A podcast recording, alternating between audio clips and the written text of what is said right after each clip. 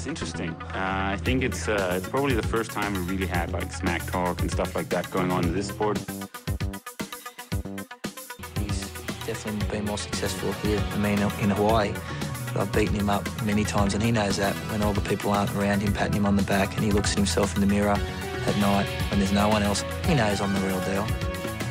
Some people talk and they never won Ironman in Hawaii, so I could talk. I won twice. Velkommen til endnu en spændende episode af Trioraklet. Det er jo i dag, hvor vi øh, virkelig har fået kickstartet det her 10'er-projekt, og jeg er bare nødt til at sige til alle lytter derude, og jeg håber, I hører godt efter. Det er sindssygt skuffende. Der er jo nærmest ikke nogen, der har øh, meldt sig på banen overhovedet, så jeg tror bare, jeg... Ej, det, det er sådan en underdrivelse. Vi er blevet simpelthen bestormet med folk, der ønsker at hjælpe Trioraklet på alle mulige måder. Der er folk, der gerne vil øh, donere produkter øh, til puljen, og der er også folk, der rigtig gerne vil støtte. Og øh, vi skal jo faktisk øh, have trukket puljen, fordi den er allerede fyldt på de første 25. Og med til at hjælpe mig på en Skype-forbindelse eller en telefonlinje hele vejen fra København, der har jeg dig, Kasper. Lige præcis, Lasse. Så er vi på den igen. Så er vi på den igen, og der er øh, faktisk, ja, vi har, øh, vi har 27, der er med i puljen her. Så vi skal simpelthen have trukket en øh, vinder, og den måde, vi har gjort det på, det er, at vi har jo øh, givet dem numre alle sammen. Det er sådan, at hvis man har doneret 5 kroner, så har man et lod i puljen. Har man doneret 10 kroner, så har man to lod i puljen. Og har man doneret helt op til 15 kroner, så får man tre lod i puljen. Jeg ved hvad, skal vi ikke bare øh, få spændingen udløst? Jeg sætter vores maskine i gang. Ja. Og det er nummer 14. Nummer 14 simpelthen. Det er René Vents der har doneret her. Så René, der er øh, fusionprodukter på vej til dig. Går med hans famøse Speedos. Og så er det faktisk Med24 med et gavekort, og så er der også noget Open Water Kit fra Tor Beach, hele vejen fra Vestjyllands Waikiki Beach. Så det er jo en, øh, en lidt fornem præmie til The Dentist Couple i Nordsjælland. Ikke en helt dårlig måde at slutte ugen af på. Nej, det vil jeg sige, det er... I begge går Speedos. Ja, og det, det vil jeg også sige. Det, det er, faktisk, jeg er faktisk lidt misundelig der. Det kan være, at øh, jeg også kan få et par af Daniel, øh, når nu jeg er vært på podcasten, og jeg ikke behøver at vinde det. Men det betyder jo også, Kasper, at vi faktisk skal have gang i en helt ny pulje, som jo går til, ja, til 50. Og øh, jeg ved faktisk... Det er jo faktisk ret mange øh, lodder, eller hvad hedder det, gaver i puljen jo allerede, som bare venter på, at der er flere, der går ind og donerer. Ja, lige præcis. Og jeg ved, at, øh, at Thor Beats-drengene, de er klar med et startnummer det er i hvert fald første ting. Og så, så er der også øh, en fysiologisk test. Vi får faktisk en ret spændende gæst.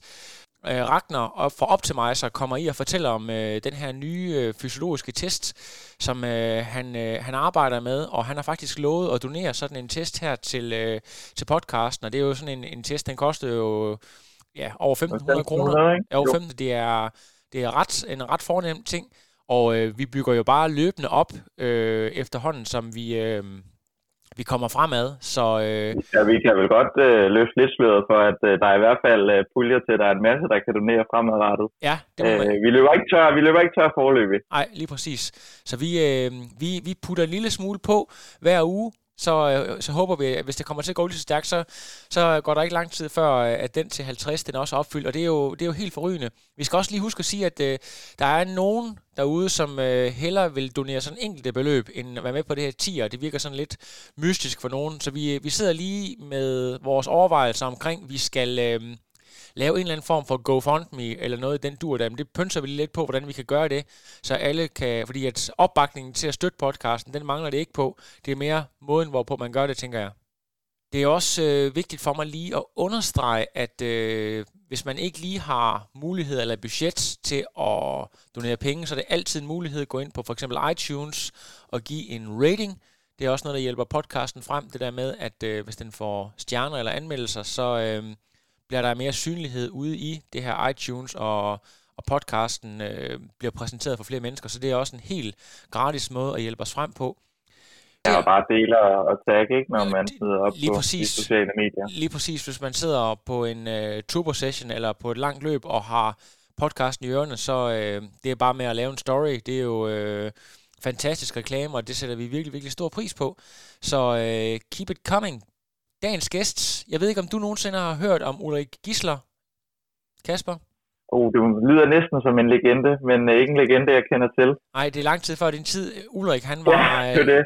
en dominant force i start 90'erne, kom fra skiløb, faktisk nærmere betegnet langrensløb, hvor han var virkelig, virkelig dygtig, og også flere gange dansk mester, kom ind i tri-sporten, og blev faktisk også dansk mester tilbage i 92, og efterfølgende så har han jeg har haft ret stærk berøring med sporten. Han har også været mental coach for Rasmus Henning igennem flere år, som vi også skal tale om, og vi skal tale om øh, Torax-træneren, som mange kender, som han var med til at udvikle i sin tid. Så øh, han har igennem nærmest 20-30 år på en eller anden måde haft berøring med, med trisporten, så på den måde så er han også lidt af en legende, og, og kan være med til at fortælle om de tidlige år, og har været med nærmest hele vejen igennem. Så øh, utrolig spændende gæst, og vi har jo også øh, flere legnet op. Axel Nielsen. Ja, vi har jo, øh, ja lige præcis, Axel. og så har vi jo lidt ligesom Mette Frederiksen holder sig til Skandinavien, så gør vi det samme i de kommende podcast. Ja, det, uden at løfte sløret for meget. Ja, lige præcis. Der kommer, der kommer nogle spændende øh, nordiske gæster på. Så ja, det er nogle prominente navne, der, der venter. Er der flere ting, vi lige skal forbi, inden vi kaster bolden videre til Ulrik Gisler? Nej, men vi skal vel bare nå at sige, at vi håber, at vi to kan snakkes ved på søndag igen og trække endnu et nummer, hvis vi øh, når de 50 i puljen. Hvis vi når så, de 50, ja. Øh, så har vi øh, flere øh, gaver på spil. Det er bare perfekt. Og øh, tusind tak, fordi I støttede op. Så øh, det eneste, jeg har at sige herfra, det er Ulrik Gisler. Take it away. Ulrik Gisler stor legende i dansk triathlon. Velkommen til podcasten, først og fremmest vil jeg sige til dig. Øh, ja, det, det er jo simpelthen sådan en lidt, øh, ja, de, de gamle legender, en, en, en, en, en øh, stjerneparade, vi havde Sandvang på i sidste uge, og øh, du er en af dem, som, som øh, dystede utrolig hårdt med ham, kunne jeg forstå, og som øh, ifølge Peter selv faktisk var nærmest et lige så stort talent, som han selv var, men øh, til forskel fra Peter, så har du bare så mange facetter, så du valgte at gå lidt andre veje, og det skal vi jo snakke mere, meget mere om nu, øh, både i forhold til, hvad du ellers lavede, og du har også været lidt mental coach for en, en mand som Rasmus Henning, der også har haft en stor karriere, så vi har, vi har mange spændende ting, vi kan tale om. Ja, bestemt. Ja, det, det, er, det, det er forrygende. Men, men altså, lad os lige prøve at, at tale omkring det her med, øh, når man nu er en mand som dig, der har haft berøring med så mange ting, både inden for den akademiske verden og den sportslige verden. Har du så været den her type, der har vokset op og altid været glad for sport og altid været god til sport? Jeg har altid været utrolig glad for sport og, og glad for at røre mig og haft, øh, jeg er heldig nok at have forældre, der, der trak mig ud eller smed mig ud og lege, når, når jeg synes, jeg larmer så meget indenfor.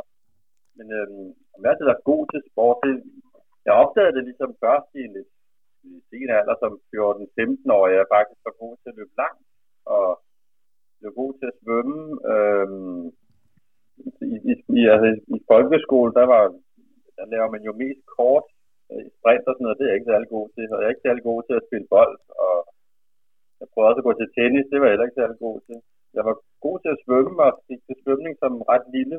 Øhm, øh, stoppede som syvårig, fordi de ville have mig på konkurrencehold der var jeg, der svømmede allerede to kilometer uden at synes, det var særlig langt. Men øhm, så nej, ikke sige, jeg synes, følte mig som nogen King Kong på nogen måde, før jeg kom lidt op i årene. Ja, og, og så det her med, med triathlon, øhm, altså på det her tidspunkt i starten af 90'erne, der er det jo sådan lige øh, knap og at, at folk de ved, at der eksisterer noget, der hedder triathlon. Altså, hvordan opdager du egentlig sporten? Er det sådan ved et tilfælde et lille stævne op i Nordsjælland, eller hvordan, hvordan kommer det ind på din radar? Ja, Jamen, det var en ret skæg. Jeg sad og tænkte over forleden, hvordan, hvordan kom jeg undervejs med den her sport? Og det er faktisk, så læste jeg en artikel i et svensk Vi Mændblad, tror jeg, i 83 eller sådan noget andet, hvor en anden svensker havde været på Hawaii. Måske var den der allerede 81. Jeg kunne sådan en dobbeltside opslag med sådan en, øh, sådan en udmarvet fyr, der hed Patrick et eller andet, så vidt jeg husker. Og der kan man tænke, det er godt nok sigtigt, at man kunne overhovedet få ideen og så gennemføre sådan noget vanvid der. Ja. Øhm, og så et par år efter, om det var 85 eller 86, så, øh, så havde en svømmekammerat, der hed Erik, som spurgte, om ikke jeg skulle være med op i Hillerød Teatron. Og så, så synes jeg, ja, det skulle jeg i hvert fald ikke, for det kunne jeg slet ikke overskue. Jeg havde kun læst om det der sidste projekt på Hawaii. Og så fortalte han lige, hvad det gik ud på, og så tænkte jeg, at det kunne være meget sjovt. Og på det tidspunkt var jeg altså allerede ret optaget af langrend og var i en træningsgruppe der, så jeg løb og cyklede en del og gik til svømning. Så, så det, så tog jeg med det op, og, og det var det var den blandede succes, for jeg brugte 17 minutter på at klæde op alt i alt. Ja. En god, god svømmetid, og også en fornuftig cykeltid og løbetid, men jeg brugte sammenlagt 17 minutter på at skifte tøj. Ja. Så jeg endte som nummer, jeg tror, 44 eller sådan men det inspirerede mig dengang af min træner, Thomas Mohr, som også er læge, og han var på altså langere. Han blev nummer to efter Jørgen Emil. Øh, så tænkte han, om, så kan vi skiløbere måske alligevel noget i den her sport. Så sådan startede det for mig.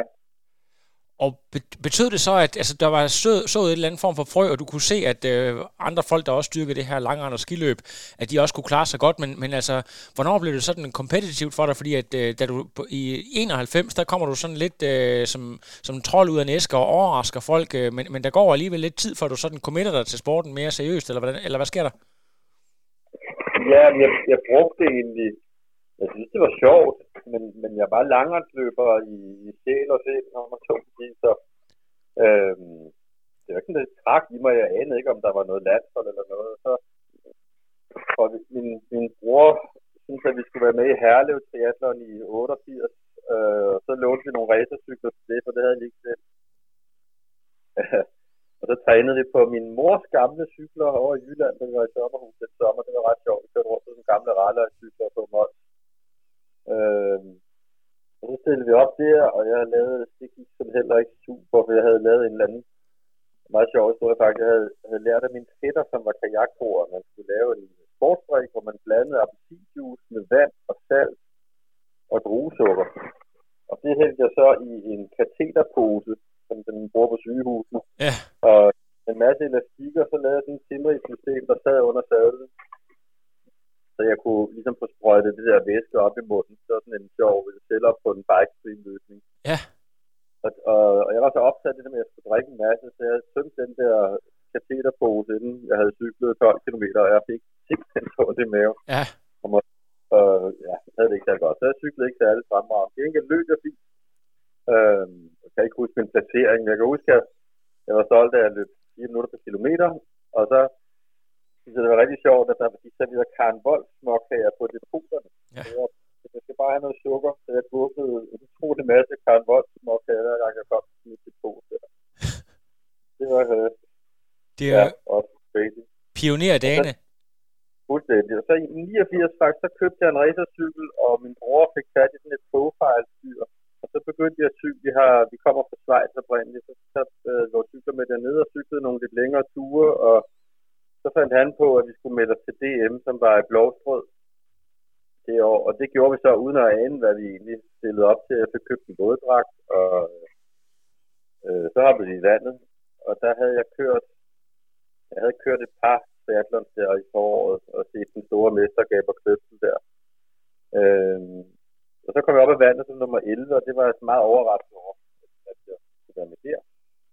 Og så kan jeg huske ude på cyklet, der kom der bliver overhalet af gaber, jeg sad og kiggede med lidt til, jeg kørte omkring 40, og han blæste forbi mig. Altså, det var som om, han havde motor på. Det var, jeg var så imponeret. Øhm, men det gik ret godt. Det blev nummer 8, og Gaber vandt. Øhm, og, og, nu har vi prøvet, det var i 90 også, ja. Og så, øhm, ja, så tænkte vi, at det kunne godt være, at jeg skulle gøre noget der. Og så hævde Fabin øh, Flemming Fabil fra Fabil Sport fat i mig, og ville gerne sponsere mig med Principia-cykler. Så det var egentlig sådan ham, der fik mig på sporet af, at jeg skulle prøve at satse på det her. Men, og, men... og det løftede mig rigtig meget. Det synes jeg er lidt interessant, du siger, at vi har en, en, at gøre med en ret lille sport øh, på det her tidspunkt, at, at det alligevel er, er store, relativt store sponsorer, det der med at få sponsoreret en cykel. Kan du prøve lige at forklare lidt om det? Var det, var det øh, hvordan kan det være, at, at man allerede var så langt frem i forhold til sponsorater og sådan noget? Ja. Uh, så skal vi spole lidt tilbage til foråret, tror jeg, for der var... Uh, jeg røg med på sådan et hold. Heller ikke rigtigt. Det er jo så fandens lang tid siden, det er. Ja. Altså, ja, vi, uh, Steffen Lytters, en anden stor, stor ikon, han havde arrangeret noget, der hed Tour de Danmark, hvor vi lavede en triathlon med Københavns Triathlon fra Skagen til København. Ja, det var sådan, det var. Jeg, jeg, mødte, jeg var oppe og køre Arsø i foråret, og det gik jeg ikke særlig godt. Øhm, og så mødte jeg Gaber Kløbsel. Og øhm, ham snakkede lidt med, og jeg så ham svømme, og så tænkte jeg, hvordan kan man være så god, som han er, og svømme så ringe? Ja. ja. Og så tog jeg fat i ham og sagde, skulle ikke prøve at lære dig at svømme? Det synes jeg var meget sjovt, så vi mødtes ude i Gladsaxe svømmehal og svømmede lidt, og så to uger senere deltog vi op i en Vega Cup i Hillerød, og øhm, det gik Jamen, det gik faktisk rigtig godt, øh, på trods af, at jeg kom direkte fra et følgebryllup. Jeg var stadig småfuld, da jeg hoppede i vandet. Ja. Så blev jeg pinlig ædru, fordi vandet var 14 grader, og det var koldt. Men i hvert fald var jeg ligesom op pludselig at være, være med. Jeg blev nummer 6 stykker, tror jeg, lige efter Andreas Hardkop, og sådan kunne se op til Sandvang og de andre. Også der sådan fornemmede jeg, okay, jeg kunne måske godt noget. Og, og der var Fabien allerede sådan inde og snakke lidt med mig, og havde hørt, at jeg var til. Så var jeg med på det der tur i Danmark. Det var sindssygt sjov, hvor vi cyklede ned gennem Jylland og svømmede over Storebælt og løb hjem fra Korsør til København. Og øh, øh, så var jeg sådan lidt overraskende håber. Øh, så, og, og der var sponsorer dengang. Hvorfor? Det kan jeg faktisk ikke svare dig på, fordi jeg kom jo ind fra højre der som skiløber, og der var mange, der havde sponsorer. Øh, Dæber havde sponsorer, og Steffen havde sponsorer, og Steffen havde skaffet genosin. De producerede nogle vitaminpiller og nogle gensinkpræparater, som de gerne ville have profileret. Så, så der var sådan set relativt god sponsoropbakning til, til en sport, og det er overraskende, fordi den var så ung, som den var. Men måske fordi den var så vanvittig, så fik den relativt meget mediebevågenhed. Selvfølgelig, ja. Okay turneringsmuligheder. Ja, det giver selvfølgelig rigtig god mening. Øh, altså i forhold til, jeg tror, at det øh, altså den der 91 sæson, hvor du faktisk ligger nærmest til at vinde, før at Peter, han, øh, er det ikke ham, der kommer overhalder dig til sidst? Er du, har, du, har du gået lidt mere all in med sporten, eller er det hele vejen igennem din, øh, din tri-karriere øh, en, en, en, en sekundær sport for dig i forhold til skiløbet der?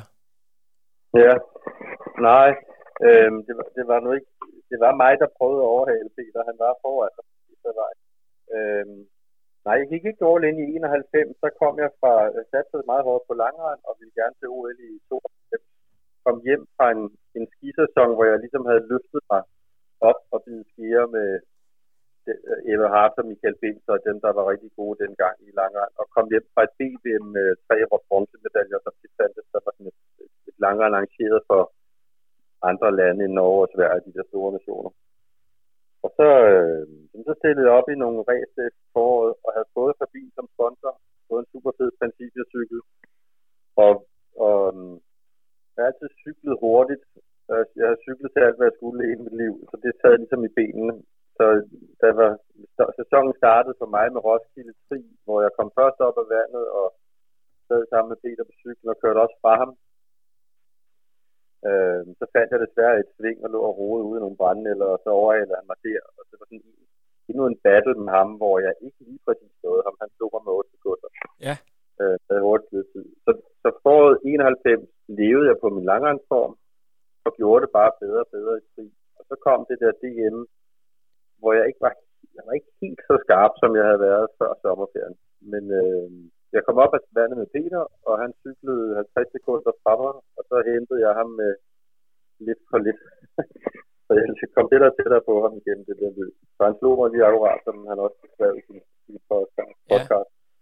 Jeg sidder... Så jeg gjorde, hvad jeg kunne, med sådan at snige mig. Det var ude på Amager, og der er sådan en lang buevej, hvor jeg tænkte, hvordan kan jeg ligesom få ham til at tro, at han har vundet.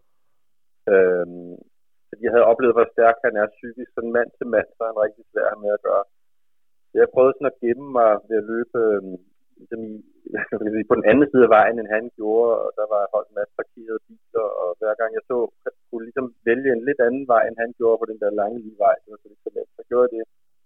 Så han troede faktisk, at jeg var langt væk, og så lige pludselig var jeg i hele af ham. Men han trak, han havde lidt ekstra, han hiver op af hatten, så jeg nåede ham ikke. Ja. Det, det, når jeg sidder og læser tilbage, så kan jeg jo se, at øh, bladet på det tidspunkt, der var jo også øh, et, mag- et triathlon-magasin, og de var faktisk temmelig velskrevet på det her tidspunkt, og, og man kan sådan virkelig få et indtryk, når man læser op om, hvordan det har været, som om man næsten var der selv. Og det, det er jo øh, rigtig godt materiale til os, der går lidt op i tri-historien. Men at du overraskede rigtig mange mennesker, du sådan var årets, hvad kan man sige, shooting star.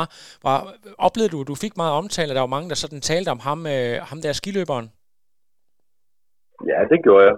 Der var, de var meget søde til at være imponeret, og og også begejstret. Det var, det var faktisk ret fedt, at de det var ikke sådan, at de, jeg sådan følte, at der var sure miner. Øh, de synes, det var fedt, at der kom sådan en, en fra højre, men, og, med noget andet. Og man kan sige, det, øh, ja, sporten var meget ung, og jeg kom fra en sport, en som er meget gammel, hvor vi havde en masse viden om træning, og en masse træningstradition, og hvad ved jeg. Øh, så jeg synes egentlig, jeg var, var meget heldig, den måde, jeg blev modtaget på, for det kunne nemt have været anderledes. Og ja. Peter var jeg havde det utroligt hyggeligt med, med Sandvang fra start. Vi trænede sammen, vi havde det lige sjovt sammen, og jeg synes ikke, det var, det altid både sådan nade mig og fascinere mig. Det gør mig ikke så meget at tabe til ham, men han er den, jeg helst vil slå. Ja. en underlig øh, kombi. Ja, præcis. Øh, men vi havde, vi havde det utroligt hyggeligt sammen der.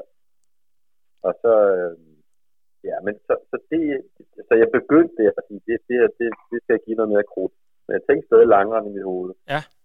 Men, men så året efter, så er det jo så, at Peter Sandvang, han, han øh, tager sådan et sabbatår, og det er jo sådan, så, så, så var en jo bane for dig. Du, du vinder faktisk også DM. Hvordan øh, kan du øh, sådan øh, meget tydeligt huske, hvem du lå og battlede med der i 92, om det var en relativt let sejr, eller om det var sådan en hard-earned, og, og ja, ja. altså, hvordan, hvordan var det? Jamen, jeg, jeg synes, for mig var det super ærgerligt, at Peter øh, tog et sabbatår lige der. Jeg havde faktisk prøvet at få ham øh, at snakke med ham om i, i efteråret 91, som ikke vi skulle prøve at tage til USA sammen. Og der havde han en kæreste på det tidspunkt, som syntes, det var en rigtig dårlig idé. Så det, det var desværre ikke noget. Øh, jeg, jeg fornemmede, at vi kunne gøre hinanden rigtig gode, fordi vi havde det sjovt sammen. Og vi, men vi kæmpede til sidste blodstråber, med så at sige, når også i træning. Øh, så havde det her 92 år, som hvor jeg godt nok vandt, og det var for mig ikke noget super godt ræs. Jeg havde haft lidt, lidt bøvlet forberedelse øh, på nogle eksamener på lægestudiet og sådan noget, men, øh, men, jeg, men jeg satte tri det år, og det var Jan Hansen, jeg havde af min battle Øh, så jeg husker, altså den der DM-sejr, det var, det blev svært, så jeg, jeg var helt sikker på, at jeg nok skulle slå ham, for at sige det lidt arrogant måske. Øh, men jeg blev lidt drillet af, at jeg i sidste sæson blev vist forkert. Så det er en lang omvej. Vi kom ind og stillede cyklerne sammen, og så pludselig var jeg 35 sekunder efter ham. Og han var en god løber, øh, men jeg havde en, en rigtig god dag, så jeg fik hentet ham og løb også fra ham til sidst. Så det der DM var, var faktisk en, det var fedt at vinde, men det var en lidt flad fornemmelse, for jeg synes ikke selv, at jeg lavede nogen særlig god præstation. Okay, så det er sådan lidt ligesom, at øh, den bedste mangler, så, så er det som om, at, at man ikke rigtig har vundet alligevel, selvom at man slår, kun kan slå dem, der er med på, på startstregen, som man siger. Ja, nej, det vil ikke sige, at meget respekt for dem, der var til start. Der, ja. var også en, der kom jo en professionel fyr, der hed Preben Nielsen, som boede i USA, og han blev, ham var vi meget bange for alle sammen. Ja. Tænkte, hold da op, hvis man kan være profi i USA, må man være god, men han blev kun nummer 10. Okay, ja. Og, og, og Rohed, der var mange gode steder, også andre end lige Sandvang. Øhm, så det var ikke fordi, jeg, jeg sådan sad og pudsede negle, for, mens jeg det der, skulle der grave. Okay. Det var sådan underligt. Jeg havde, jeg havde mange gode dyste med Jan, men jeg var følt mig sådan relativt komfortabel den sæson med, at, at hvis det var ham og mig tilbage, så kunne jeg godt slå ham også, fordi han havde spurgt ham. Ja, Øhm, altså, Peter han fortalte jo sidste uge, at de var sådan, øh, mange af jer i hvert fald, der boede i Københavnsområdet. I kendte jo hinanden og trænede sammen. Men i forhold til de her Ronny Hansen, Jan Hansen og, og Sandvang, var der så nogen, der sådan øh, skilte sig mere ud end andre, der gjorde noget lidt specielt, eller var trænede i og gjorde meget de samme ting? Mm, det husker jeg ikke sådan detaljer. Det var nok mig, der skilte mig ud som de andre. Jeg, jeg begyndte jo at træne med triatleterne, men, men holdt fast i min langrendstræning. Jeg blev ved med at stå på rulleski, og jeg trænede løb på en meget anden måde, end de gjorde, hvor jeg stod sådan lidt fra mit perspektiv til, at de var så optaget af kilometer og kilometertid, og de, de testede rundt på vejen og, og løb, løb relativt mange kilometer. Jeg løb meget få kilometer, men, men øh, som skiløber træner man meget i terræn og i skoven, når man laver sådan nogle øh, spændstop og noget. Ja. Øhm, så jeg lå og løb ja, 18 25 km om ugen, ikke? og de lå og løb mellem 60 og 100. Så det var for mig en, øh, synes jeg, jeg så sådan lidt undrende på, hvordan de gjorde, men tænkte, sådan gør de. Jeg har ikke rigtig noget perspektiv på, hvordan man skulle gøre som triatlet. Jeg kom... Og svømning trænede jeg, kan jeg ærge mig lidt over for lidt af.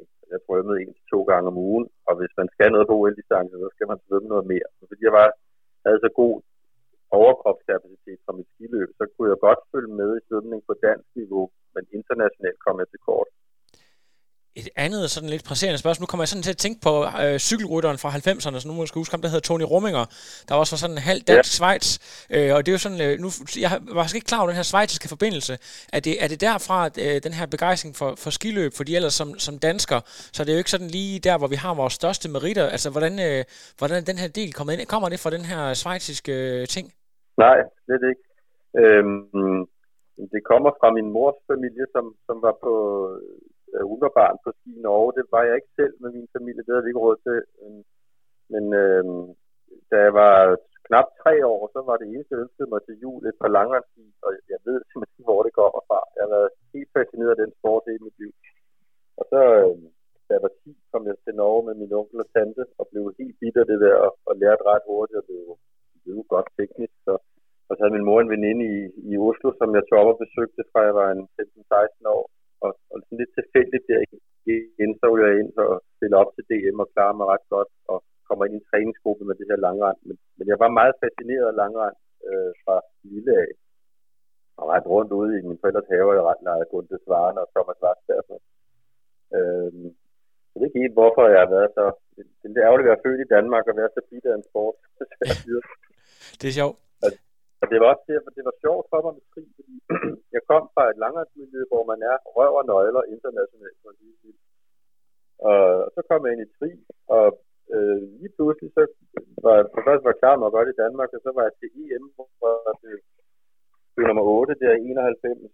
Øhm, hvor, altså det var sjovt pludselig at være med sammen blandt verdens bedste, og kom jeg også til VM i Australien, som, som øh, du har set Øh, og klarede mig, ikke? Altså, jeg blev nummer 23, men jeg var 6. bedste europæer. Så, og, det, og det gav også en del gode sponsorater og opmærksomhed selvfølgelig. Ja. Vi, vi skal lige prøve at tale lidt omkring det der, fordi det er, der, er, der er noget utroligt morsomt. Det var egentlig grunden til, at øh, vi kom til at tale om det, at øh, det er jo sådan øh, datidens svar på øh, en shitstorm, som vi faktisk havner i, fordi at øh, det er jo et lille forbund, og de har sendt øh, nogle atleter afsted, og så man prioriteret at sende en ekstra atlet øh, afsted, og så spare træneren, fordi man kun havde begrænset økonomiske midler, og så øh, laver I sådan en race report, hvor I sådan fortæller om, at det ikke lige gik, alting det ikke sådan lige flasker sig øh, helt som I gerne ville. Og, og så øh, er der altså nogen, der tager det utrolig ilde op, og så kan man sådan følge nummer for nummer gennem hele 91-sæsonen, at I er nogle øh, skarens unger i utaknemmelige osv. Kan du lige prøve at, at tage os igennem, hvad det her det hele handler om, om øh, forholdet til, til forbundet blev godt igen efterfølgende? Ja, det, jeg, kan, jeg kan slet ikke rigtig huske den der shitstorm. Jeg har desværre ikke de der gamle magasiner liggende. Øh, mm, Gør det godt til mig. Altså, jeg kan huske, at øh, jeg, jeg var til EM der, hvor jeg var udtaget sammen med Sandvang og Uhed på herresiden, og øh, på Lone Larsen, og så Stan Nielsen og, og hun Anne Petersen på, på kvinderne. Og jeg tror også, Jan var med. Men i hvert fald, så var udtagelseskriteriet til til VM, som jo lå langt væk og ville være byrejse i Australien. De sagde, at udtagelseskravet er en top 10. Og det tror jeg, fordi de regnede ikke med, at der var nogen af os, der kunne gøre det. Og så bliver jeg 8, og øh, jeg kan godt huske, at Malone, han var både sådan en blanding af enormt stolt, men han var også udfordret, for han blev ligesom nødt til at udtale mig. Øh, og jeg kan, jeg kan ikke huske den der korrespondance eller dialog, du snakker om i frimagasinet. De, øh, øh, så ja, forholdet blev godt til forbundet igen, men når du nævner det, så kan jeg havde en kontrovers med forbundet i 92, som som må jeg nok sige, blev, altså betød en del for mig, og, og, og knækkede en del af min motivation for at fortsætte med sporten. Om det har ligesom rødder tilbage til 91, det skal jeg ikke kunne sige. Jeg kan ikke huske, hvad vi kritiserede forbundet for i 91. Øhm, vi havde en tur til Australien, men var, var selvfølgelig noget udfordret, at vi skulle ligesom klare os selv. Og blandt andet, at altså, da vi kom, kom ud i Kastrup med vores cykler, og øh, vi var mig og Jan Damgaard og øh, Susanne Nielsen og Pedersen. Og øh, så kunne vi ikke, altså vi havde overvægt for 60.000 kroner. Og så ringede jeg til den maler, og tror jeg, sagde, hvad fanden gør vi? Og, og forholdet, det kan vi ikke betale. dem var I selv betalt, Og det, jeg havde ikke så mange penge, det havde de andre heller ikke. Øh, altså, det tror jeg nok, jeg skrev en artikel om. Men jeg tror også, det var noget med, at I var registreret, I var registreret forkert, tror jeg også. Øh, I var registreret øh, under en forkert øh, kategori, var der også noget med. Der var sådan flere sådan en kaskade af ting, der ikke var sådan helt styr på, tror jeg. Ja, det skal nok. Men det har jeg lykkeligt glemt. Det, jeg husker som fantastisk, det var, at jeg stod i Kastrup, og vi kunne ikke komme med, mindre vi betalte 60.000. Det kunne ringe til direktøren for Kai Air i Danmark, og så forklarede jeg om problemstillingen. Vi stod ude der ved de der check-in-banker, og så snakkede jeg som en syg moster, og så lovede jeg højt og heldigt, at vi ville, vi ville skrive fede artikler, vi ville sende billeder, og vi ville sætte Kai Air på alt vores tøj, hvis de ville give os den der overvægt der. Og det gik han ind på. Og så over, opgraderede de os til øh, første klasse. Vi kom ombord og blev taget imod af de her skønne tegpiger, og øh, de tilbød så at sy kaj ære på alt vores tøj. Så De fik af. Og så sad de og syede. Øh, vi fik nogle små fine mærker på brystet og på lårene. Det var ret fantastisk, og vi prøvede så at give noget credit for det. Øh, så, så vi havde en meget sjov og anderledes tur ud af det. Og blandt andet fordi Jan Damgaard er med, som er et menneske, man ikke kan undgå at grine sammen med. Jeg havde nærmest kronisk i, i mine mavemuskler at grine hele turen med ham der. Jan, øhm, Jan Damgaard, han er jo over 40 år på det tidspunkt, er sådan lidt af en legende. Jeg tror faktisk, at Jan Damgaard er den første danske mester, vi har, der blev afholdt DM i 85, og vist nok også, så vidt jeg sådan en gammel jægersoldat eller noget, den dur der.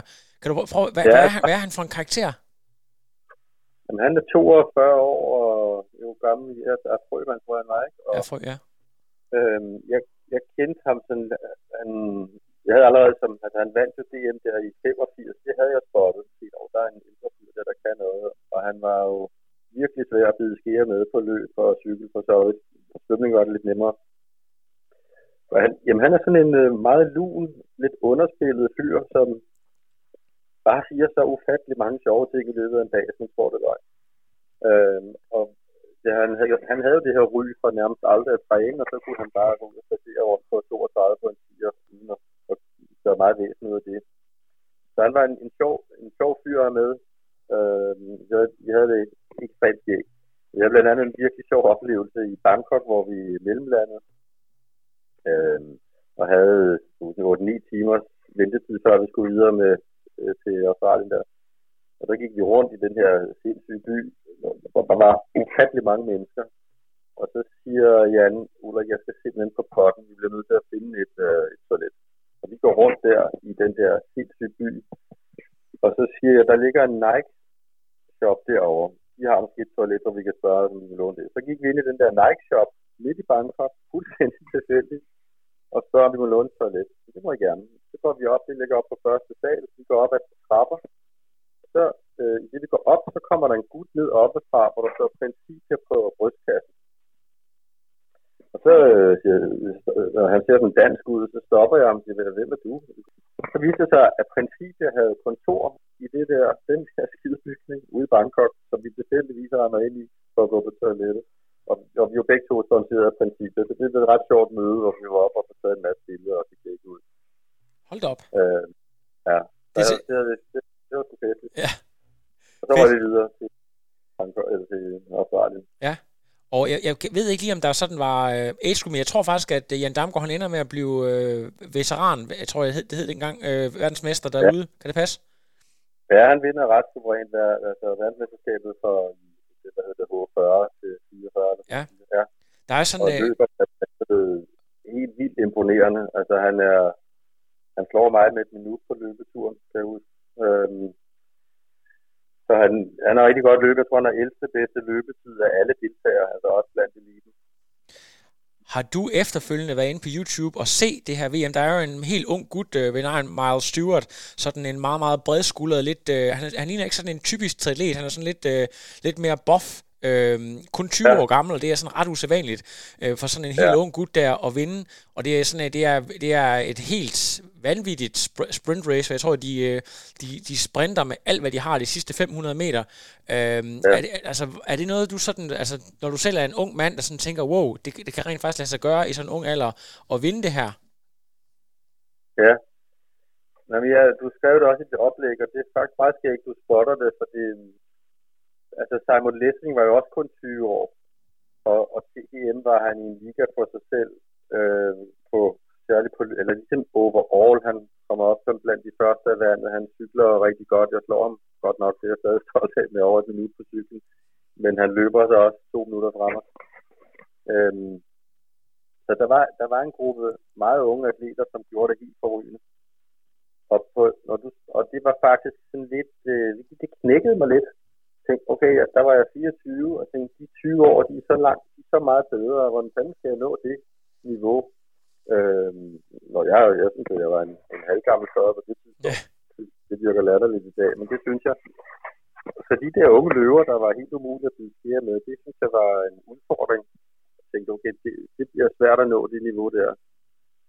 Øh, og så havde jeg, som, som du også har læst, at jeg blev ret syg dernede af en maveinfektion, så jeg var ikke sådan, jeg var ikke rigtig på duberne, vil jeg sige. Det var meget varmt. Jeg er ikke god i varme. Så, så, det var ikke lige mit VM, men jeg er stolt af, at jeg kom altså, for 6. bedste europæer, og slutter lige efter Luc van Lierde, øh, havde et, en battle med ham øh, på de sidste kilometer der. Øh, han blev ret god sidenhen. Det må man sige ja til. Altså, det er sådan, øh, nu har jeg ikke sådan siddet og gennemgrænsket alle resultater, men, men er det, er det er 92, er det sådan din sidste sæson, hvor du kører triathlon på elite-niveau, eller, og så satser med på skisport, eller hvad sker der egentlig efter 92-sæsonen? Ja, det er det. Øh, og det var ikke sådan bevidst, at jeg ville stoppe. Jeg havde faktisk planer. Altså, jeg, jeg fik en ret god dialog med en amerikansk øh, triatlet dernede i, i, til VM i Australien, som inviterede mig til Boulder i USA. Øh, og ham mødte jeg igen til en World Cup senere på sæsonen der 92 i, i Monaco, hvor vi blev inviteret ned, øh, Susanne og jeg. Øh, så jeg havde faktisk en aftale med ham, når jeg skulle til Boulder i tre måneder i, i starten af 93, øh, fra januar frem. Øh, det var ret hug på. Og så, så jeg er et lidt flyttet i sind, som man måske også kan læse om min karriere, og bliver lidt fascineret af nye ting. Og jeg, jeg endte med at blive, øh, jeg tog til Norge for at, at tage noget praktik på et sygehus, og samtidig stå på ski hen over vinteren. Og der mødte jeg en, en pige, som drejede hovedet fuldstændig rundt på mig, så jeg opgav Boulder og tænkte, at det bliver hende mig resten af liv, og nu opgiver jeg alt det her triathlon. Og det gjorde jeg. Øh, og så brændte det ud i sandet med hende ret hurtigt. det var lidt ærgerligt. Ja. Og så prøvede jeg sådan at komme tilbage. Jeg havde ikke gejsten for det. Øh, jeg kan ikke, ikke, ikke rigtig sige, det var for. Jeg tror nok, at blev ved med at være... Jeg tænkte altid skiløb. Så jeg tænkte hele tiden, det her, det gør mig til en god skiløber, når jeg ligger og svømmer. Eller, så det, jeg blev aldrig triatlet helt i hjertet, som måske Sandvang og de andre gjorde. Okay. Øhm, altså en anden ting, som måske ikke lige har noget at gøre med ren sport, men måske alligevel, fordi det kræver en vis lungekapacitet. Operan, er det noget, du, øh, du også arbejder med dengang, eller er det sådan noget, der er kommet lidt øh, her i de, de senere år? Nej, det, var, det startede egentlig på, jeg, sagt allerede før. Jeg var, mm, jeg søgte ind på konservatoriet, øh, også før jeg begyndte med tri tilbage i 89 eller sådan noget lignende. Så jeg gik til sang der. Og så, øh, så kom jeg på landsholdet i langrand samtidig, og så, så, fik, så var det sporten, der fik fokus, og jeg holdt op med at synge. Og så, da jeg blev færdig som læge i, i 95, begyndte jeg at tage timer, og i, og i 93, der, da jeg besluttede mig for ikke at satse på teateren, så, så begyndte jeg at synge i kor, og havde rigtig meget sjov med det. Og fik faktisk et helt kor til at dyrke triathlon, det var meget skægt. Ja. første korsamlinger, vi havde der, der jeg trænede stadigvæk og havde min moddragt med, og vi svømmede. De, de så på mig, som jeg var fuldstændig for meget. Men det inspirerede ret mange af dem til at gå i gang. Så vi endte med faktisk at vores dirigent Michael Bøjesen, som er en, en meget berømt opera dirigent og komponist og alt muligt andet. Han sidder som øh, operachef på Malmø Operan. Han begyndte at til triathlon, og det var aldrig nogen, der fik komme. Ja. Øh, det var meget sjovt at være inspirator på den måde. Så da jeg blev færdig som læge, så tog jeg nogle sangtimer, og var, var jeg heldig, kan man sige, at mine sanglærer stod, de stod og manglede en, en, en bas inden for det nye teater en aften, og så spurgte jeg, om jeg kunne hoppe ind, og det kunne jeg godt, og så fik jeg job efter det. Og så sang jeg der i to sæsoner i øh, ja, en opsætning af Den Glade Enke. Og det er sådan, det synes jeg skulle være ret fedt. Så jeg havde sådan et liv der, hvor jeg kombinerede, at jeg var læge om dagen og operasang om aftenen. Har du nogensinde, øh, når du nu altså er øh, mediciner, været inde og få målt dine øh, lungefunktioner, sådan ligesom øh, Michael Endurain, der efter sine kunne øh, have 8 liter luft i lungerne, og sådan, har du nogensinde fået, fået målt noget ja. jo, vi blev testet i, i hoved og røv, kan man sige, dengang på Team Danmark testcenter. både, både der var på, altså med langrendslandsholdet, blev vi testet et par gange hver sæson, og det blev jo også som CFI. Så det er sådan et meget godt styr på, og allerede altså i gymnasiet, før jeg var på nogen hold af nogen art, så der øh, skrev jeg et stort projekt i biologi om træning og lavede en masse forsøg med mig selv øh, i forhold til langrend. Øh, og fik målt min ildoptagelse der. Så, så man kan sige, min store frustration var egentlig, at jeg havde, jeg havde ildoptagelse svarende til verdens bedste skiløber, men jeg kunne ikke følge med alligevel. Så jeg, jeg lå om, om ja, de der 80 plus i kondital, som Peter og, og, og hvad hedder det, Torbjørn og de andre også har gjort, og som, som jeg tror nok er nødvendigt for at begå sig på det niveau. Og, og det var så fedt at opleve, at i triathlon, der fik jeg ligesom udtælling, eller fik, øh, jeg fik credit for den ildoptagelse, jeg nu har jeg været så heldig at være født med. Og i lang, på, på, det fik jeg også på rulleski, og klarede mig godt til VM på rulleski. Men på ski er der bare så mange tekniske elementer, at det er rigtig svært at omsætte den rene ildoptagelse til fart. Det kræver mere end det. Og det jeg mig i, i overvis, at, øh, ja, at jeg vidste, jeg lå. Jeg, var, jeg lå, hvor jeg skulle ildoptagelsesmæssigt, men jeg var ikke følge med alligevel. Interessant. Øhm, vi skal til at tale lidt om det her med at være øh, mental coach, men før det, så er noget, jeg, jeg lagde mærke til i, jeg tror det faktisk har været siden nærmest starten, nullerne i hvert fald, Michael Kryers atleter, øh, de her landsholdsatleter, de brugte rigtig meget den første del af sæsonen på at køre netop langrand, og så så kom jeg til at tænke på, om det var noget, du havde noget med at gøre, at det var, det var noget, du havde været med til at, at sætte i søen, øh, øh, eller det ved jeg ikke? Jo, øhm, jeg fik jo, jeg lærte jo Kry at kende lidt sent, jeg ved ikke huske, hvornår det, det var over i Fredericia, øh, hvor han, der var jeg, jeg blev hyret ind af Ole Nikolajsen som kommentator til det her, de her legendariske stævner i Fredericia frem mod, mod øh, VM i 2001. Øh, og der lærte jeg Kry at kende, og vi havde vi var på, Altså, det var ret hurtigt gode vinder, og øh, han var meget inspireret af det her langrand, kom jo også fra Tyskland, og har stået mig, eller var uddannet i Tyskland, og havde stået meget langrand der. Og vi snakkede meget om den her overføringsværdi til triathlon. Øh, og blandt andet så prøvede vi, efter jeg blev mentaltræner for Rasmus Henning i 2003, at vi kan Altså, hvor god en skiløber skal man være, for at man har overføringsværdi til triathlon? Så jeg fik, jeg fik ekstremt meget ud af især i forhold til cykling øh, og løbe på langrand, og særligt skøjteteknik. Men jeg var også en god skiløber. Og Rasmus var sådan en hederlig skiløber, så vi prøvede at lave et projekt for at se, om vi kunne løfte hans cykelniveau øh, ved at træne langrand om vinteren, og selvfølgelig også konditionen. Så jo, men det føler jeg, jeg en aktie i.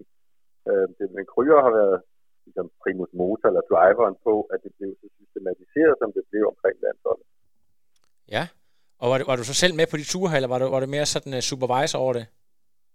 Ja, nej, jeg var med på uh, nogle af turene. Øh, ja. Uh, nogle fantastiske ture med, med Rasmus og Kryer alene frem mod og jeg kan ikke huske, om det var, var det OL i Beijing eller OL i Athen, men i hvert fald havde de nogle, nogle øh, ja, vilde ture der, hvor, hvor øhm, var faktisk meget, en meget sjov anekdote. Vi var, vi var i Torsby og trænede op i den skitunnel deroppe, bare mig og Rasmus. Og han, øh, der havde jeg jo været inde over, er lidt trængende, men der havde jeg så været inde forbi og været læge på det svenske skilandshold. Og vi var så op der i Torsby i 2000, og det har nok været 8, februar 8, øh, hvor Rasmus trænede ufattelig meget. Altså, han stod op om morgenen og løb 10-12 km, øh, og så spiste vi morgenmad sammen. Så løb vi to timer langrend i skitunnelen, og så direkte derfra ned og svømmede. Øh, så vi hjem og hvilede os, og så var han igen i skitunnelen et par timer og løb så igen 10, 12, 15 km. Ja. Og der mødte vi Tobias Frederiksen, som er flerdobbelt verdensmester i langrend. Og han var, han var fuldstændig målløs over, og, og ham kendte jeg jo godt, som, altså, han var en af dem, jeg havde haft som, som uh, skiløber der, der var læge og havde et rigtig øh, hyggeligt venskab med. Og det var så sjovt at se, at skiløberne der blev meget inspireret af Rasmus og måden, han trænede på, hvor da jeg kom ind i tri, der blev triatleterne meget inspireret af, hvordan skiløberne trænede. Det var sådan, som om øh, timeglasset havde vendt, sådan en inspirationspyramide.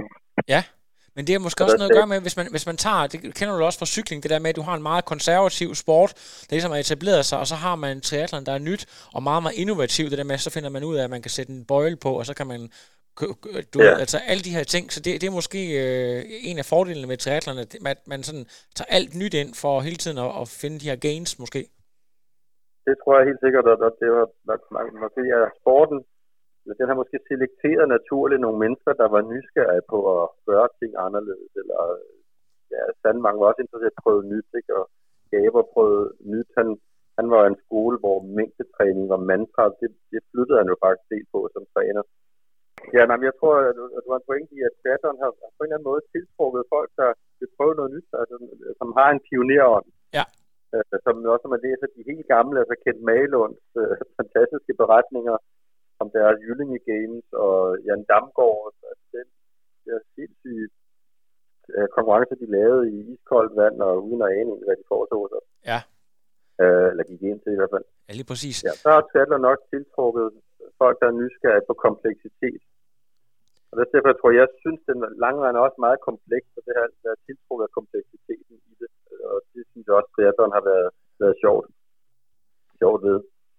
Jeg synes, at vi skal prøve lige at gemme øh, det der med mental coach til sidst, og så vil jeg gerne lige øh, noget, som du også er meget kendt for inden for de senere år, folk der måske ikke har kendt så meget til din egen karriere, så i hvert fald thorax-træneren inden for de sidste 10 år, og i hvert fald også her, mens vi har haft corona, er der folk, der, der øh, har brugt deres thorax-træner rigtig meget. Er det, er det noget, du øh, selv har øh, udviklet fra noget, der har været tidligere, eller, eller hvordan kommer du ind i, i hele konceptet omkring den her maskine?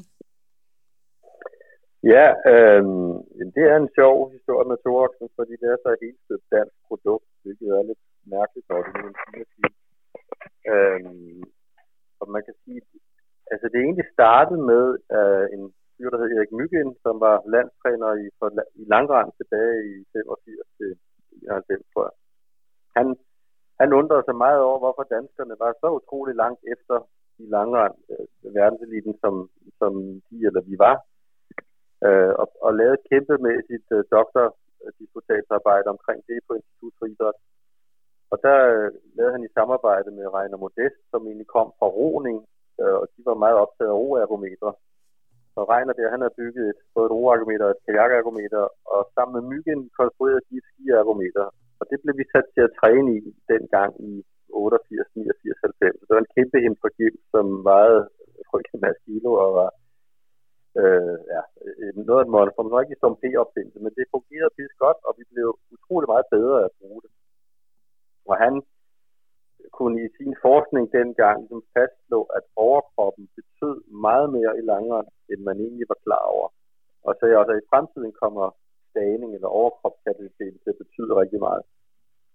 Øh, og de prøvede dengang at lave en kommersiel løsning af sådan fire argumenter, og det lykkedes ikke rigtigt at fordyre dig for, for, for, for besværligt. Og så øh, mange år efter, så da jeg var landstræner for i Langrand, havde jeg en, en meget øh, opfindsom fyr, Jonas Thor Olsen, som øh, skulle være færdig som ingeniør. Og han, ham fik jeg til at træne i Myggens gamle træningsapparat, fordi han var rigtig dårlig til at stage. Og det, det, det er blandt meget andet medført ligesom, at så opstod ideen hos ham, jeg prøvede at konstruere en skimaskine, der kunne sælges. Så han konstruerede som en del af sit ingeniørstudie, den her skimaskine. Og så stiftede han og jeg og min bror et firma omkring det. Og min bror trak sig hurtigt ud af det, og Jonas og jeg fortsat nogle år sammen, og så ville Jonas mere på ski, øh, og jeg ville gerne det her, så, så jeg kørte det videre og videreudviklede produktet til den, ja, den maskine, man så kan købe i dag.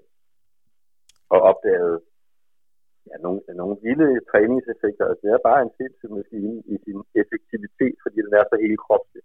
Ja. Og har super overføringsværdi til nærmest alt andet, man laver, om det er løb eller cykling eller langrand eller mountainbike eller ja, triathlon selvfølgelig også. her svømmedelen får man meget, meget øh, foræret til i den der toårstræning.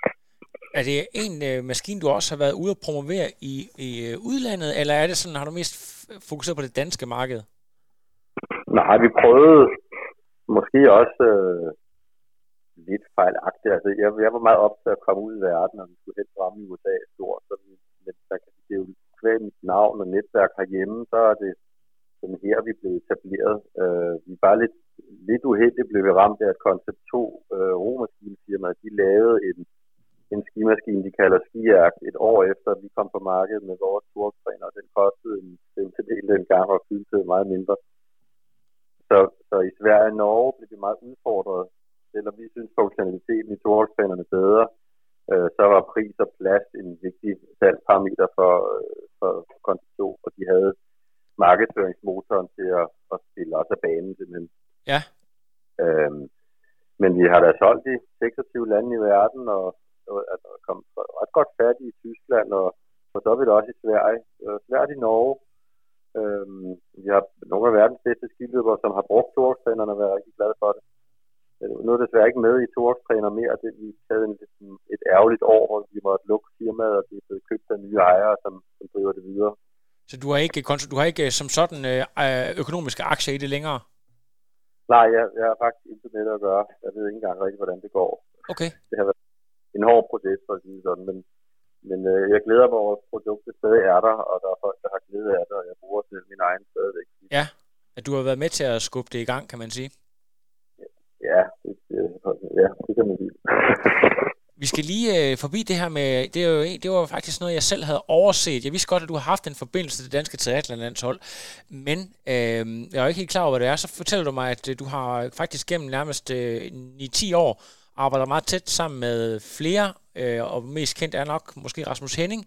Og øh, noget, jeg sådan faldt over, det var jo, at øh, som han skriver i sin bog, at det primært er op til OL i 2004, og så efter et meget skuffende Hawaii, øh, 2010, hvor ja, han skuffer ret stort. Så det er jo, som, som jeg ser det, så er det, altså hvis man forestiller sig, at man er mental coach og skal arbejde op mod et OL, hvor Rasmus han var en af topfavoritterne, øh, så må man arbejde på en måde, og så hvis man kommer fra en kæmpe skuffelse, hvor man nærmest er parat til at opgive karrieren, så må det være en anden måde. Kan du ikke lige prøve sådan at, at forklare det der med, at, at når han skriver, at I arbejder systematisk med, med, med mental træning og så videre, og så forskellen på at, og hvad kan man sige, bygge sig op mod et stort stævne, hvor man er favorit, og så øh, komme tilbage efter en skuffelse? Jo, altså, det kunne være en hel podcast i sig selv. Ja.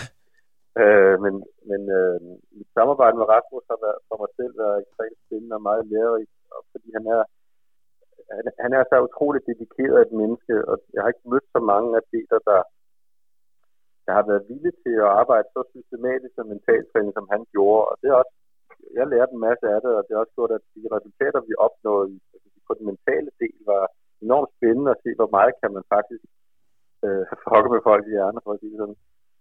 Øhm, og det, det frem mod jamen, både OL i Athen og OL i, i Kina, havde det nogle ret intense forløb, hvor Kry også var en del af pakken, så jeg arbejdede sådan mentalt med de begge to faktisk. Og så det blev selvfølgelig med fokus på Rasmus.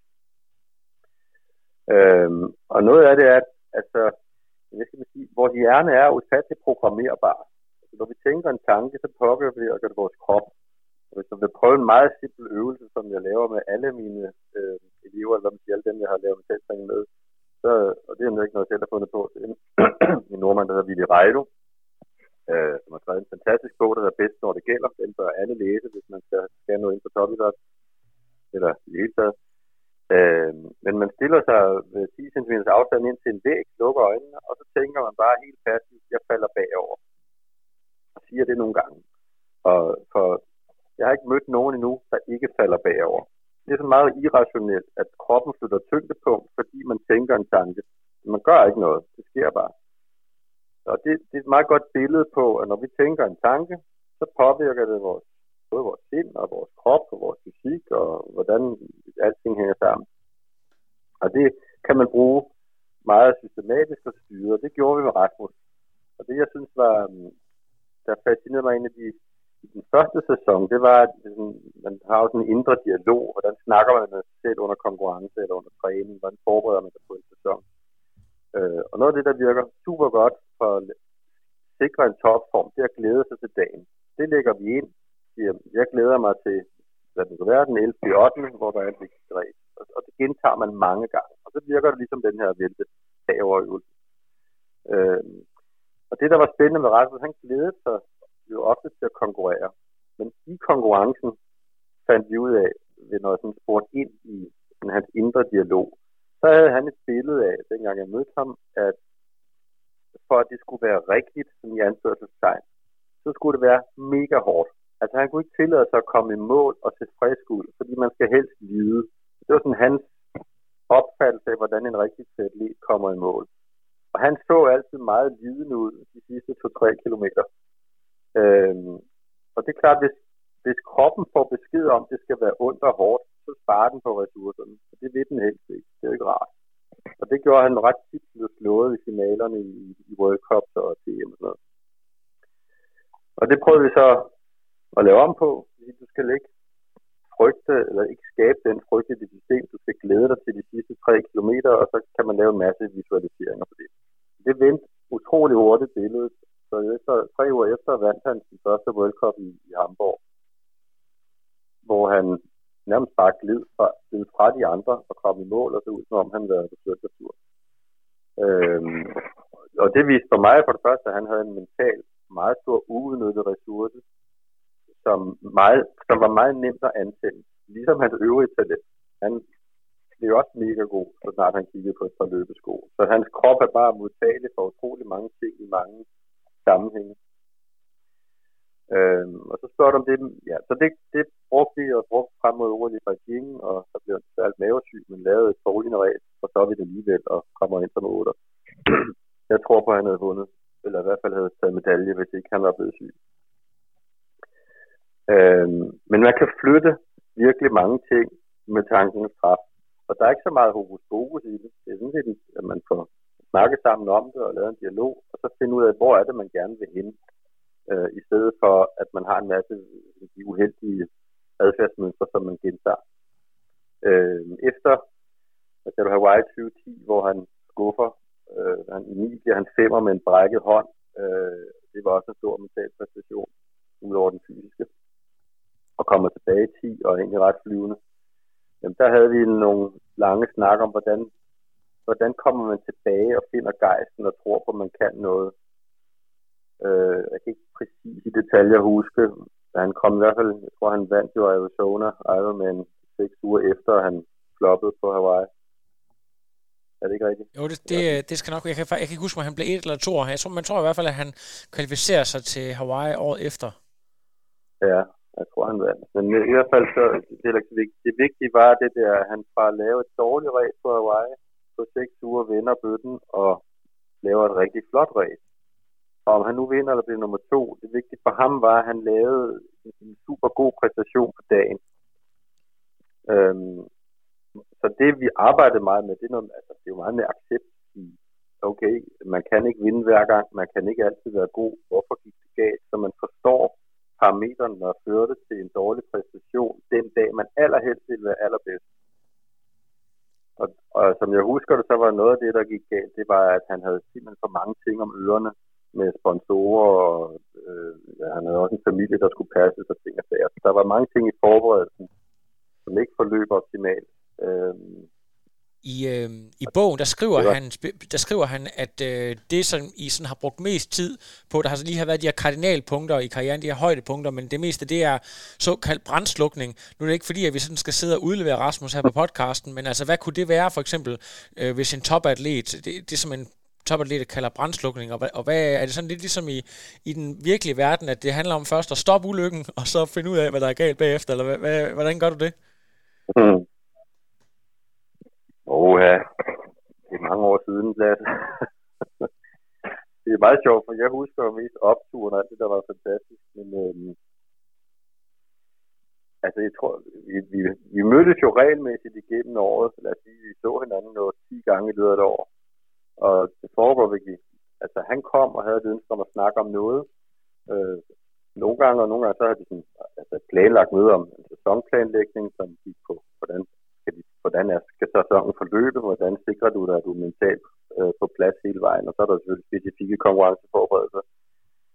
Øh, brændslukning, altså det husker jeg i hvert fald der, da han brækkede hånden i 2009. Ja. Det brugte vi på at finde ud af, hvordan, altså, hvordan overkommer man at have så ondt i hånden, som han havde, og tro på, at man kan lave en god, godt resultat alligevel. Ikke? Hvordan overhører du smerterne? Hvordan lad du være med at falde ned i selvmedlidenhed? Hvad er det for nogle affirmationer, man kan bruge til sig selv, for ikke at havne i den boldgade?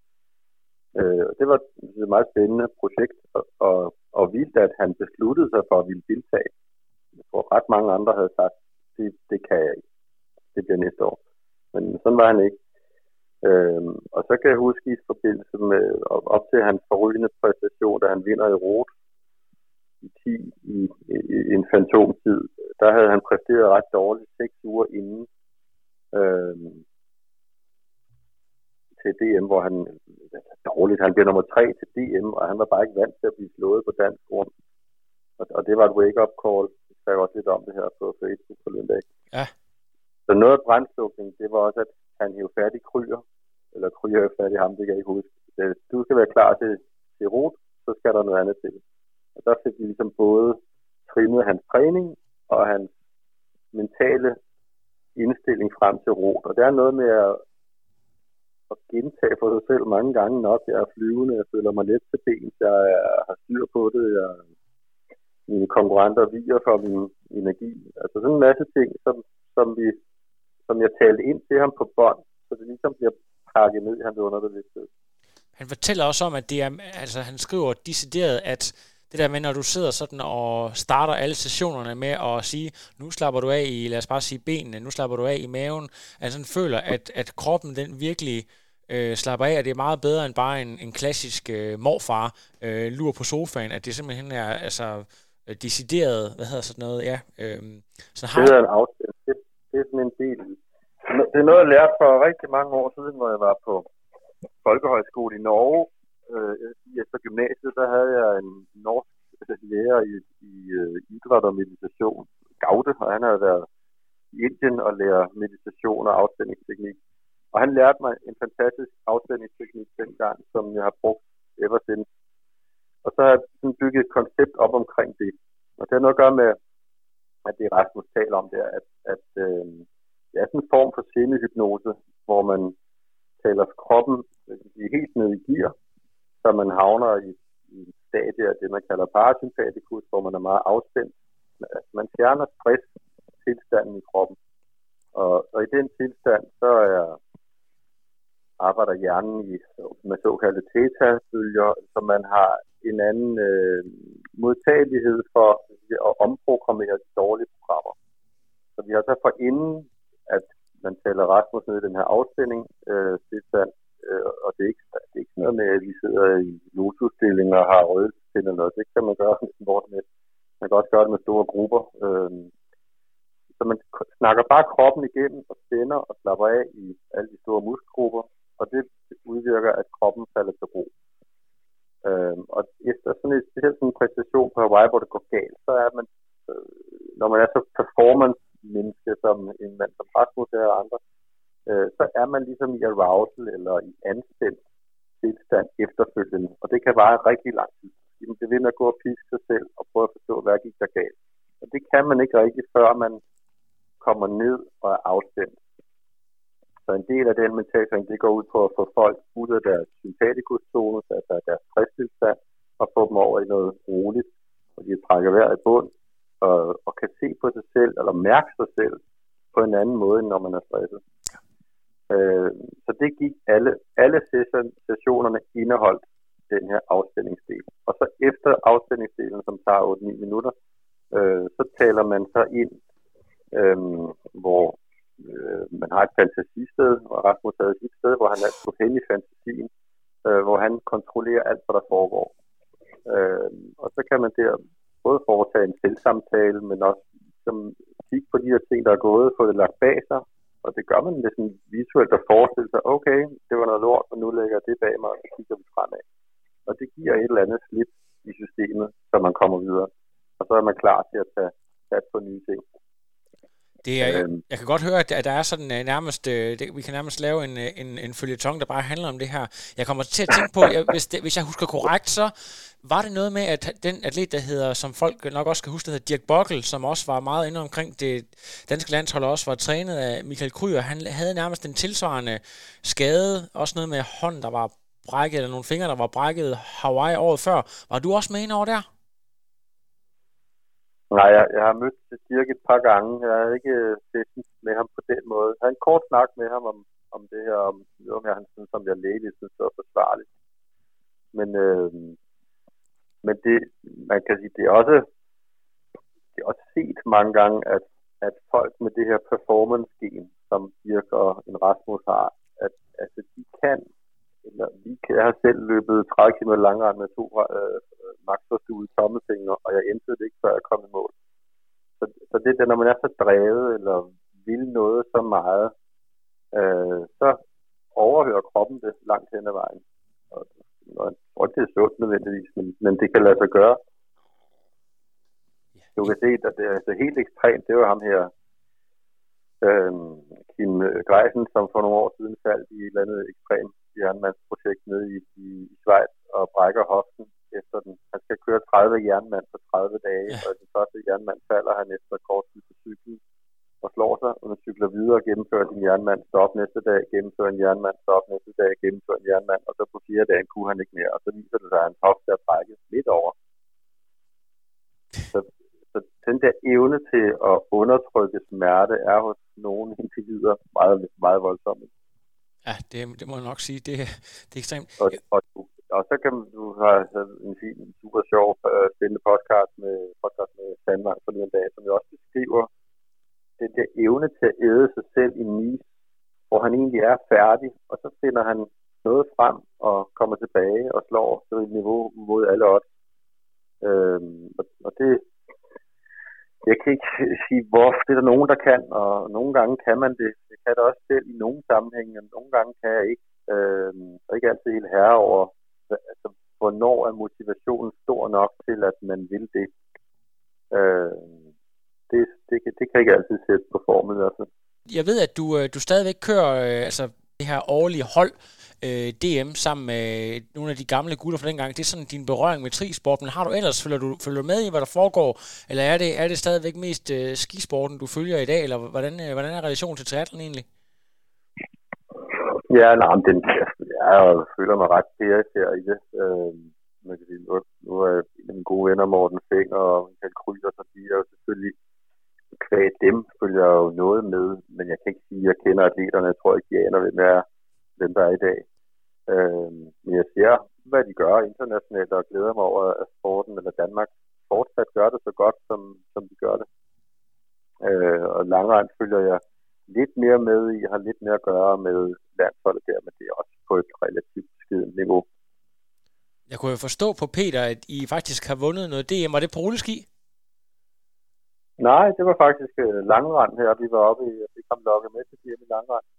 Inden kom det så at han udfordrede mig med store armbevægelser øh, på uh, øh, sidste forår, at han ville, han ville slå mig på 50 km til langrand. Og så øh, det, det skal fandme være løgn. Så jeg fik noget mig sammen og træne, og så tog vi det op sammen. Øh, og så er der sådan en parstafet, hvor man skiftes, eller det er et stafetløb, men altså man løber ikke ret langt ad gangen hver. Så han blev 1,2 km klassisk, og så løb jeg 1,2 km skøjt, og det gør man fem gange. Og det vandt vi i vores aldersgruppe på 50, som var en hårdt besat gruppe. Det sidste år. Og så havde vi en rigtig god dyst på 50 km en dag efter, som jeg heldigvis vandt. og så kan jeg forstå på det, at I har en vanvittig plan om, at I begge to skal til Hawaii, når I bliver Age Group 70. Jamen, det holder Peter Hortnakke fast i. Men, øh, jeg ved, jeg er for dårlig i varmen, men jeg kom en eller anden gang for et år siden til at sige ja. For, og, og målet var egentlig, at så er vi tvunget til at holde os nogenlunde trænende altid, og, og undgå på den måde at forfalde alt for meget. Ja. Ej, det... Øh, så det, jeg ved, Hawaii har aldrig trukket i mig, det har, det har aldrig trukket i mig at lave jernmand, og det, og det var sådan noget det, der, der Peter, jeg tror måske, hvis Peter var fortsat han kunne godt have trukket mig tilbage i, i tri dengang, hvis han havde fortsat i OL-sammenhæng. Øh, det der langdistance, som der kom meget fokus på med Gaber som træner, øh, det, det trak bare i mig. Altså, det var alt for langt. Det er ikke overskueligt. Jeg havde ingen lyst til at med det. så det, okay, så det, det, det, det, altså det, det, det er kort og hårdt? God forkølet en del i København i 10, og så prøvede jeg i rute for to år siden øh, hvor det desværre måtte udgå efter 23 km med en, med en lægskade. Øh, men det kan da være, at, at det første gode race, der laver jernmand, skal være, er blevet 70. Ja, under, under 9 timer i Hawaii som 70-årig. ja, under 10 er jeg være glad for. Men... Ja. Og det er godt. Jeg, jeg, jeg, Jeg, håber, at, øh, at jeg stadigvæk øh, er involveret i sporten. Så kommer jeg over og dækker det, og så øh, står med mikrofon og interview, når jeg kommer i mål. Det vil være en meget stor fornøjelse. Ja. Det er Ja, godt. er- Ulrik, vi har været, vi har været langt omkring, og øh, det kan jo, jeg skal slet ikke udelukke, at øh, vi måske finder på at lave en podcast senere omkring øh, nogle af de, øh, sådan lidt mere specifikt omkring nogle af de emner, du har øh, været involveret i. Så jeg siger tusind tak, fordi at øh, du har brugt den sidste øh, time på at tale med mig omkring din øh, ja, karriere i flere forskellige sportsgrene og mental træner og alle de her ting. Så tusind tak, øh, Ulrik. Selv tak, og tak for en spændende podcast. Ja, men øh, du, er, du er velkommen, og du må, hvis du ser nogen, jeg kender, så må du hilse omkring dig. Det kan du tro. Det er godt. Ha' en god dag. Godt. Hej, hej. Hej, hej. No, I am done. Another. But now it's, I'm done. I have no power.